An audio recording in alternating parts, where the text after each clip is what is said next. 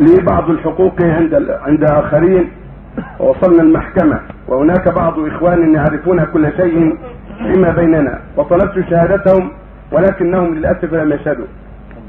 اللهم اهدنا نسأل الله لنا ولهم الهداية. يقول ربك جل وعلا ولا تكتبوا الشهادة ومن يكتمها فإنه آثم قلبه. إذا كتموها وهم يعلمون عليهم إثم ولا يجوز لهم ذلك.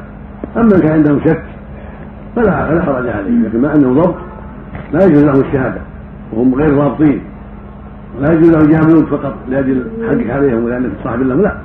الشهاده امرها عظيم. فإذا كان عندهم علم وجب عليهم الأداء وحرم عليهم الكتمان أما أن يشهدوا لأجل انك صاحبهم بالشبهة أو بالشك لا ما يجوز هذا.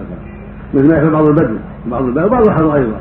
ما دام صديق له يبقى أنت صديقي وتعرف إني ناصح وإني صادق تشهد لي. هذا ما يجوز. ولو إنك اخو ولو إنك صادق.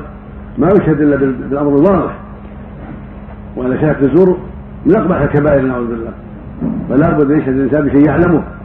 أما قول قول أنا تعرفني وأنا الحمد لله صدوق وأنا وأنا وأنا وأنا اشتريت من فلان كذا أو بعت كذا اشهد لي. هذا ما يجوز ابدا. ولو أنه من الصحابة لا يجوز يشهد بغير حق نعم. هل ورد في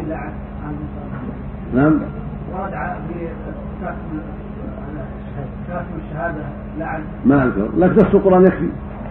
نص القرآن يكفي ولا تكتموا الشهادة ويكتموا فانه اثم قلبه. نسأل الله السلامة. أما اللعن ما أذكر شيء نعم.